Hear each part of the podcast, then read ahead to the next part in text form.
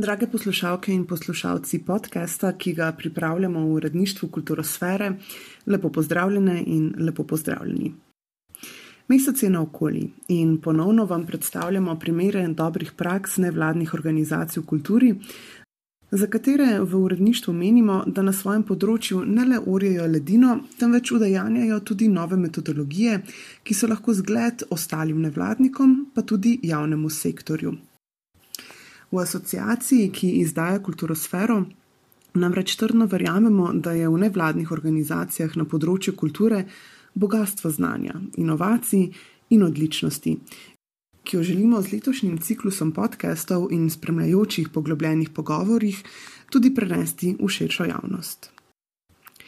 V tokratni kulturosferi se lotevamo pri nas po eni strani samoniklega in ustrezno ter uh, močno razvitega področja, ki pa na drugi strani vseeno nima ustrezne razvojne politike, ki bi vse te samonikle prakse povezoval.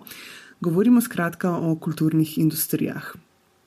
Kulturne industrije so sicer pojem, ki seboj pogosto prinaša tudi negativni predznak, saj predstavlja dejavnosti, ki lahko, ali vsaj takšna je javna percepcija, bolj ali manj uspevajo tudi na trgu. S tem pa seveda na nek način predstavljajo tudi možnost komercializacije in krčenja javnega financiranja kulture, za katerega seveda verjamemo, da je na področju umetnosti nujno.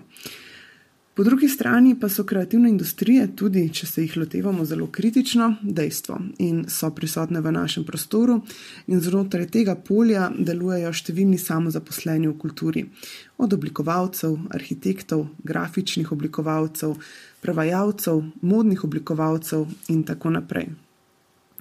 To vrstni poklici so po svoji osnovi precej individualizirani in posamezniki, ki jih upravljajo, so zato toliko bolj podvrženi različnim posledicam vse večje prekarizacije njihovega dela, ki ne vpliva le na delovne pogoje, temveč tudi na ostale aspekte življenja.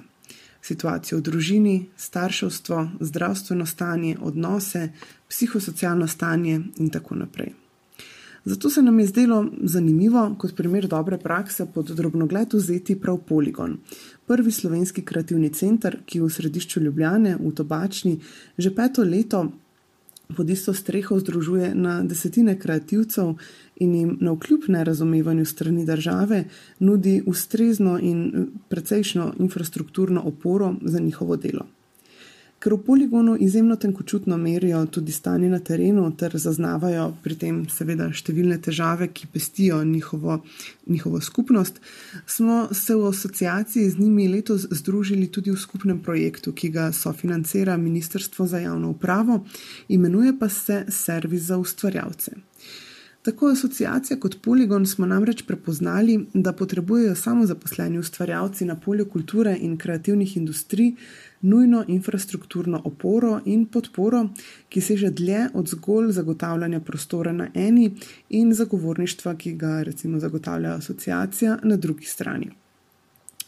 Vse bolj je namreč jasno, da s povečanim administrativnim in prekarnim bremenom samozaposleni nujno potrebujejo podporo, celostno podporo, da lahko razvijajo ustrezne upravljavske mehanizme in veščine, pa naj bo, si bodo to računovodski znanja, davčna znanja, administrativna znanja, pa vse do veščin in znanj organiziranja svojega delovnika, usklajevanja uh, vseh obveznosti, oblikovanja ponudb in podobno. No, Poligon je kot rečeno prvi slovenski kreativni center. Je neodvisna platforma za razvoj neprofitnih in profitnih projektov z namenom opolnomočenja samozaposlenih ustvarjalcev in ustvarjalnih skupnosti. Poligon združuje ustvarjalce in ustvarjalne skupnosti, ki delujejo na najrazličnejših področjih kreativnih ekonomij, socialnega podjetništva in kulture. Poligon so leta 2014 usta so ustanovile inicijative Slovenija Coworking, Slovenija Crowdfunding, Kreativna cona Šiška, Rompom in pa ljudje.si. Na njihovi spletni strani si lahko v celoti preberete tudi njihov manifest, ki povzema osnovne smernice delovanja in njihovega razmišljanja. Poligon je tako vodbišče za samozaposlene profesionalce, delujoče na polju kreativnih ekonomij socialnega podjetništva in kulture. Poligon je prvi kreativni center v Sloveniji.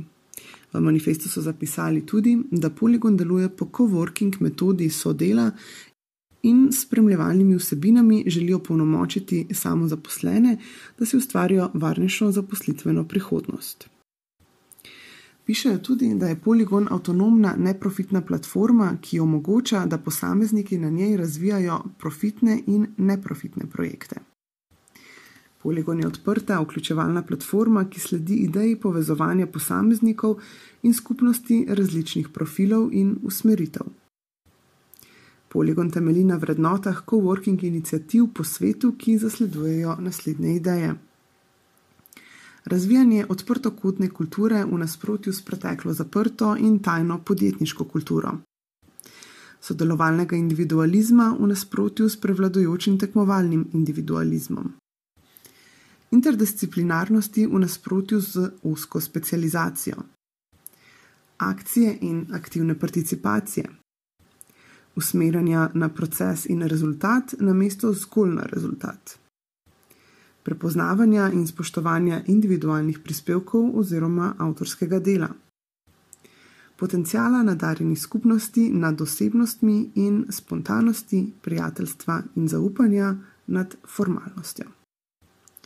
Na, na tej točki v poligonu tudi zaključijo s svojim manifestom, o vsem tem, o načelih njihovega delovanja in seveda s posebnim ozirom na možnosti oblikovanja ustreznih celostnih zagovorniških akcij in pa seveda tudi ustreznih politik, tako na mestni kot na državni ravni pri urejanju razmer na področju kreativnih um, kulturnih industrij, pa smo se pogovarjali z Luko Piškoričem in Evo Matjaš iz Poligona.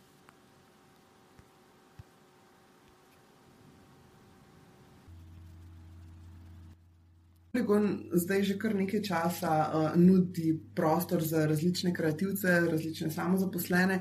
Um, na kakšen način se pravzaprav čisto strukturno gledano financirate, na kakšen način vzdržujete prostor, kakšni so ti ključni izzivi, uh, ki nastajajo, kadar imaš uh, to vrsten hub, ki daje prostor številnim ostalim ustvarjalcem? Skozi uporabnine ljudi, ki ta prostor uporabljajo, in skozi oddajo prostora za različne dogodke, ki jih pa nas organizirajo razni naši partnerji, ali pa jih delamo v koprodukciji z različnimi partnerji, ali pa sami dejansko financiramo ta prostor, to našo uh, najemnino in stroške prostora, ki res niso mehni. In praktično v celoti. To je praktično, ja, v znarbi sem za to zares. Ja. Um, s tem, da zraven delamo še milijon nekih projektov in tudi skozi te projekte pravimo financirati ta prostor, ker se nam zdi ta prostor ključna infrastruktura, ki jo imamo za to, kar počnemo za res. In um, ker je to edini tak prostor za res, na nek način uh, um, se nam zdi to bolj pomembno, da ja, vse naše napore usmerjamo v to, da ta prostor ohranjamo.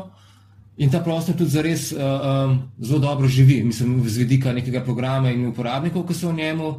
Um, predvsem pa tudi mislim, da, da smo, mislim, smo prepoznali kot primer res zelo dobre prakse v nekem širšem evropskem in svetovnem kontekstu, kar seveda dobivamo predvsem potrditev iz tujine. Um, smo del European Creative Hubs Networka, ki je v bistvu mreža kreativnih hubov iz cele Evrope, uh, kjer so nas tudi izvolili v On Board of Directors.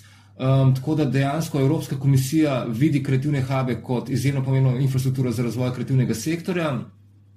Um, in vidi tudi network, uh, European Creative Hubs net, uh, Network in pa nas kot kreativne hube, kot zelo pomembnega sogovornika pri razvoju vseh politik, kar se tiče razvoja kreativnih industrij.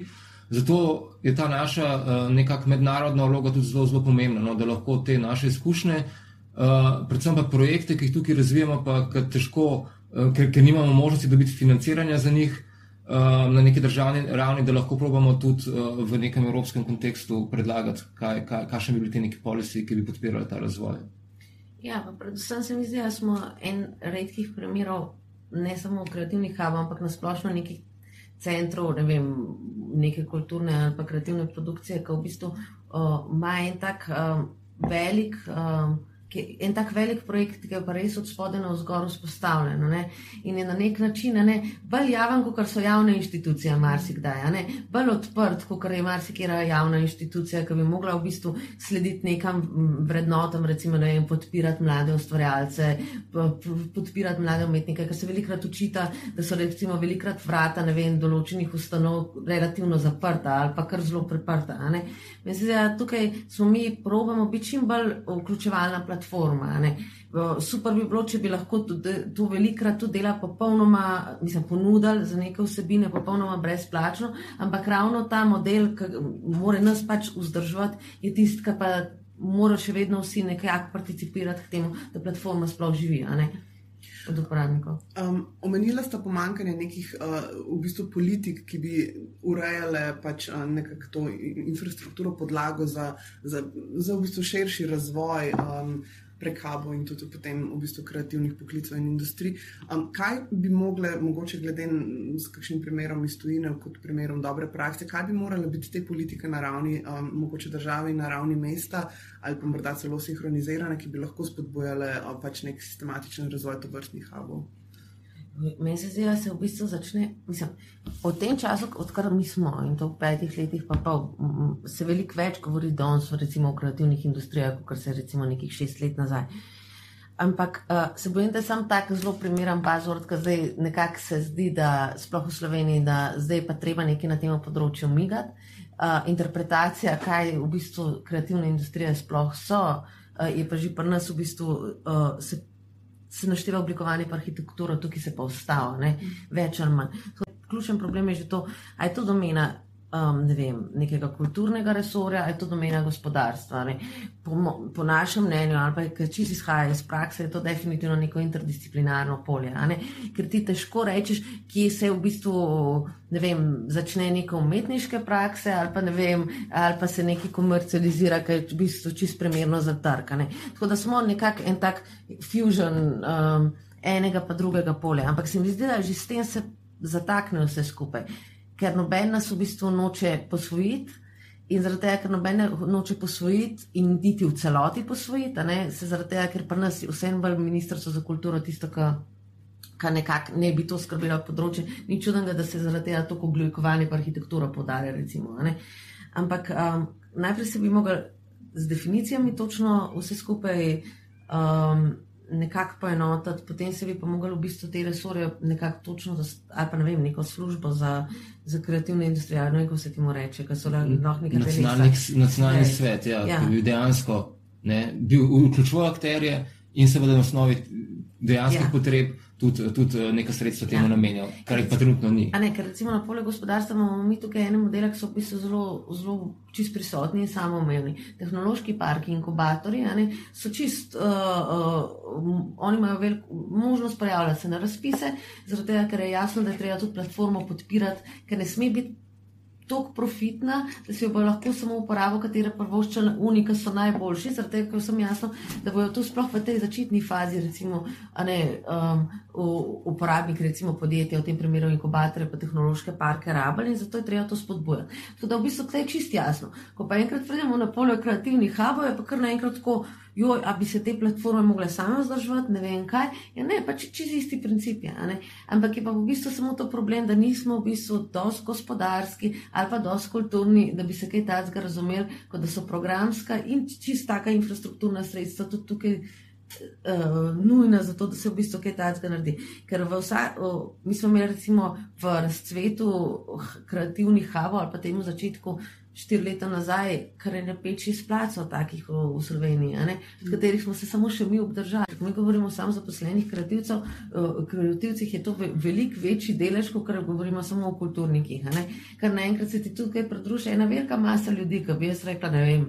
15 tisoč, 20 tisoč ljudi v naravni Sloveniji, ki bi v bistvu mogli, uh, kar rabijo neko specifično spodbudo, zato da bodo dobro delali. Je pa pomembno, da so to neki skupni prostori, da to niso pisarna na enem koncu mesta, kaj in tako naprej. Ne. Se, odličen primer je recimo Kapele, center v, v bivša tovarna, ki so jo zraven Helsinkov ne preuredili v tak tovrstni center, ker, ker, ker dejansko mesto razume in da so, da so učinki to vrstnega zgoščevanja kreativcev res enormni. Zelo velikokrat, ko pridemo do kreativnih industrij v nekem splošnem uh, javnem diskurzu, um, je mišljeno, da so to stvari, ki pač morajo tako ali pa drugače preživeti ali pa umreti na trgu. Po drugi strani, um, seveda, tudi v asociaciji nasplošno zagovarjamo, da določene kulturne vsebine in, in tudi kreativne vsebine pač ne morejo uh, biti podvržene trgu, z, mm -hmm. ravno zaradi tega, ker pač so v javnem interesu. Uh, tako da verjeten pač je tukaj ravno ta distinkcija ne, med uh, kreativci, posamezniki, ki eventualno lahko delajo svoje projekte tudi na trgu, ne, in pač infrastrukturno uh, podporo tem kreativcem ki pač, za katero pa je smiselno, da vanjo vlaga država. Dejstvo je to, da če imaš ti neke dobre projekte, jih boš podpiral zaradi tega, da bodo lahko boljši. In če bodo boljši in bodo res doživeli neko fazo razvoja, zdaj pa komercialno ali pa ne, ampak da bodo, pač, bodo ponujali pač boljše možnosti za več ljudi v nekem okolju. Ne? In v končni fazi, če so kreativne industrije, pa če so neki biznisi kalafa, bo pa pač več davkov dobil država ali pa mesto od tega, kar se bo naredil. In potem, ko država toliko let pospešvala te aktivne politike za poslovanje in spodbujala samo zaposlitev, zdaj pa samo zaposlitvenim statusom, pač uh, z navadnim SPM ali pa s uh, statusom kulturnika, se ni važno. In v bistvu treba tudi razmišljati o tem, kakšno infrastrukturo te ljudje rabijo. In če imamo knjižnice za, za čas šolanja, pač so neki taki uh, hubi, v bistvu uh, primerna infrastruktura za, za delo. Meni, meni je to tako, me, me, jaz si tako predstavljam, da čez 30 let, če bi en bral, ne vem, neki tak intervju ali pa neko tako misel, bi rekel, sam res, kaj, kaj pa so mislili, da, da niso to jemali kot neko ključno infrastrukturo za delo. Um, druga stvar, ki se mi je pa zdela zelo pomembna, ki ste omenjali uh, pri tem združevanju uh, samozaposlenih, uh, pri tem ne mislimo samo samozaposlenih v kulturi, ampak uh, verjetno tudi vseh različnih SP-jev, ki delajo na tem polju. Um, in pa seveda vseh ostalih, ki delajo prek različnih pogodb uh, in tako naprej v še bolj prekarnih uh, oblikah. Um, pride ven ravno ta negotovost, v bistvu negotovost uh, nekega čisto socialnega uh, elementa preživetja in tako naprej. Um, in se zdi, da to, ravno zaradi tega je to vrstno združevanje še toliko bolj pomembno, ne samo v razvoju idej, ampak tudi v, v nekem v bistvu deljenju uh, resursov. Um, na kakšen način se v poligonu pravzaprav soočate z to prekarizacijo v bistvu ljudi, s katerimi sodelujete? Recimo, že v bistvu zelo na začetku, smo mi začeli v bistvu širiti idejo sodelovne kulture, ker še nismo imeli svojega prostora. Ker smo bili takrat še v Kinu Šiška, da so se vem, ob četrtkih uh, dobivali pa delali skupaj. Uh, je prišla enkrat Aleksandra, ki ni umrčila, mrčila, ne, na, in je pripeljala svoje študente pokazati, potem smo imeli neko debato o korkingu. In mi je rekla takrat, Eva, jaz se ne morem odločiti, ali je to, kar vi delate, v redu ali ni v redu, ali potuha za to, da se prekarizacija lahko nadaljuje. Ker je zares to, ne? ali se mi pač bojujemo za to, da se pač prekarizacija popolnoma odpravi. Um, po drugi strani sem pa in takrat sem jaz pa tako razmišljala, da nekaj, ja, Aleksandra, se jaz se strinjam in meni se zdi pomembno zagovorništvo in mi smo več čas senzibilni, recimo, pri tem, da probamo tudi identificirati neke probleme. Tako kot smo skupaj, recimo, delali konferenco o samozaposlenih, pa bo, o, o bolniškah. Ampak po drugi strani ne, se jim pa zdi tako, je pa ta dnevna realnost ljudi taka, da ne moš čakati, da se bo vem, sistem obrnil, pa čez tri leta nek problem rešil, ampak moš ljudem pomagati. Tako da mi vse čas aktivno, uh, mi vse čas reflektiramo probleme skupnosti. Katera dela v bistvu v našem placu. In definitivno, takrat smo mi odpirali poligon, to je bil više krize, Um, mi smo zelo dober lakmusov papir, kaj se dogaja. Ne? In ljudje so imeli zelo, zelo malo projektov, zdaj se čuti, da je neka konjunktura. Ne? In v bistvu tudi, kar, kar opažamo, je zdaj, da, da v času krize so zares plač držali gor programerji, ker so imeli edini še dobro plačane službe, recimo, ki so, ne vem, iz tujine dela. Zdaj imaš pa spet veliko, veliko več različnih pač kulturniških poklicev, pa tako, ki pridejo, pa lahko spet delajo v prostoru. Ampak problem je v tem, da nisem delal to, kar prostor, ko jim mi nudimo. Važno je to, da v bistvu ful velik samo zaposlenih pridobi osnovnih veščin. Ker tudi to je to, če govorimo, da nimamo osnovne infrastrukture za samo zaposlene, mi tudi v bistvu nimamo nekega dobrega osnovnega treninga za veščin za samo zaposlene. Zato smo to, kar smo začeli delati kot skupaj v partnerstvu servis za ustvarjalce, bil pač točno to namen. Kako v bistvu samo zaposlenim pomaga, da v bistvu ukrepijo te mehke veščine, zato da lahko preživijo. Pa ne mislim samo tržno, ampak tudi pač kjerkoli, da ločeš privatno življenje od dela in tako naprej. Fole enih stiskno, fole enih problemov. Res velik, mislim, velik mi vidimo, pa veliko stvari bi se dalo sistemske ukrepe prelitno. Um, zdaj, v bistvu, omenila ste še eno dimenzijo, bi rada odprla, preden končamo in sicer to je ta neka mednarodna. Recimo, ja. um, omenila ste, da ste veliko peti tudi v, v neko svetovanje in tako naprej. Um, Specifično me zanima področje Balkana, uh, zaradi tega, ker se zdi, da uh, pač tukaj vseeno, še posebej v bivši Jugoslaviji, nekako um, podobna izhodišča, z, z, seveda, nekimi specifikami. Um, A vidite na tem področju kakšen primer dobre prakse um, ali pa nekaj, kar bi se lahko prenašalo, recimo, ali uh, je to bolj obratno, da v bistvu pač izkušnjo poligona prenašate drugam? A kako ocenjujete situacijo za to vrstnimi hubi uh, pač na Balkanu? Predvsem vidimo, da, da imamo čisto vsi iste težave. Uh, um, država uh, uh, zanemarja to razvoj tega področja, ga bo si ignoriral, oziroma ga ne zna umestiti, kot je prej Eva omenila. Ne, in, za, za, in je pač prepuščeno potem nekim bottom-up iniciativam, potem pa na neki določeni točki ustanovi neko svojo bogus uh, uh, javno agencijo ali uh, kakršno koli organizacijo, to čisto se država na Balkanu se isto dogaja, ki potem uh, uh, prevzame nek monopol na tem področju, uh, nevidezen.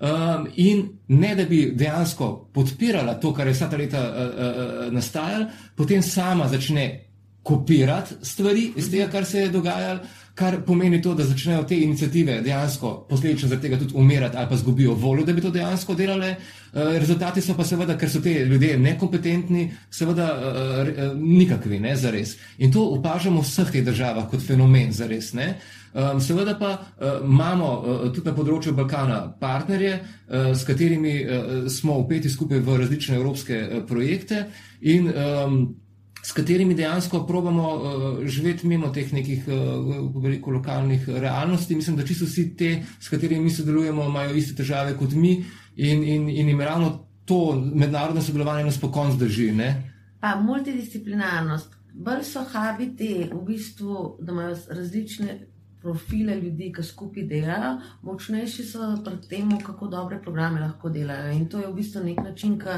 omogoča pač bolj sustainable preživetje.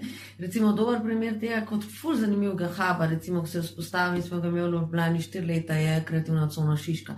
Problem kreativne cone Šiška je bil ravno to, sami dizajnerji, in je ful težko. Zaradi tega, ker pač nimaš tako dosti interdisciplinarne ekipe, ki ti bi znala v bistvu to celostno narediti. Ampak to je spet tako, ker je to vse bottom up, ne, je v bistvu prepuščeno fulejnim naključjem, pa enim faktorjem, kako nimaš nekega sistematičnega razvoja. Entuzijazmu in, in, ja. in, in, in, ja. in norosti. Ja, ja. Jaz se skozi v bistvu hecam, pač eni za hobi, ne vem, jadranje pač mi vam pa poligon. Ja. Ja. Um, zadnje, najbrž uh, zoprno vprašanje, ampak vseeno. Um, po petih letih je mogoče do, dobra točka, da se ozrete tudi v prihodnost. Kje vidite, recimo, uh, poligon, kakšna je vizija čez pet let, pa mogoče čez vem, 20, recimo. V katero smer bi se želela razvijati? Uh, je to to, ali uh, v bistvu si želite kakšne nadgradnje? Ne, nisem. Mislim, poligon sploh nima, uh, ne, meni je zanimivo, kako poligon se skozi spremenja. Skozi se spremenja zaradi tega, ker prostor, v katerem delaš, pa čas, v katerem si, skozi določa, kako se vsebina spremenja kot taga. Jaz si definitivno želim za naj, da bi bila lahko fulbal. Uh, osvobojena te operative in še več delali na, na vsebini. Ampak, definitivno, po mojem, ta moment, pa predvsem to, da smo v regiji, pa na, na ravni Evrope še močnejši. Dragi poslušalke in poslušalci Kulturosfere, najlepša hvala za vašo pozornost. V naslednjem mesecu bomo ponovno odprli vprašanje primerov dobrih praks nevladnih organizacij v kulturi. Če imate kakšno na zalogi, se nam seveda lahko oglasite in z veseljem se bomo pogovorili tudi z vami.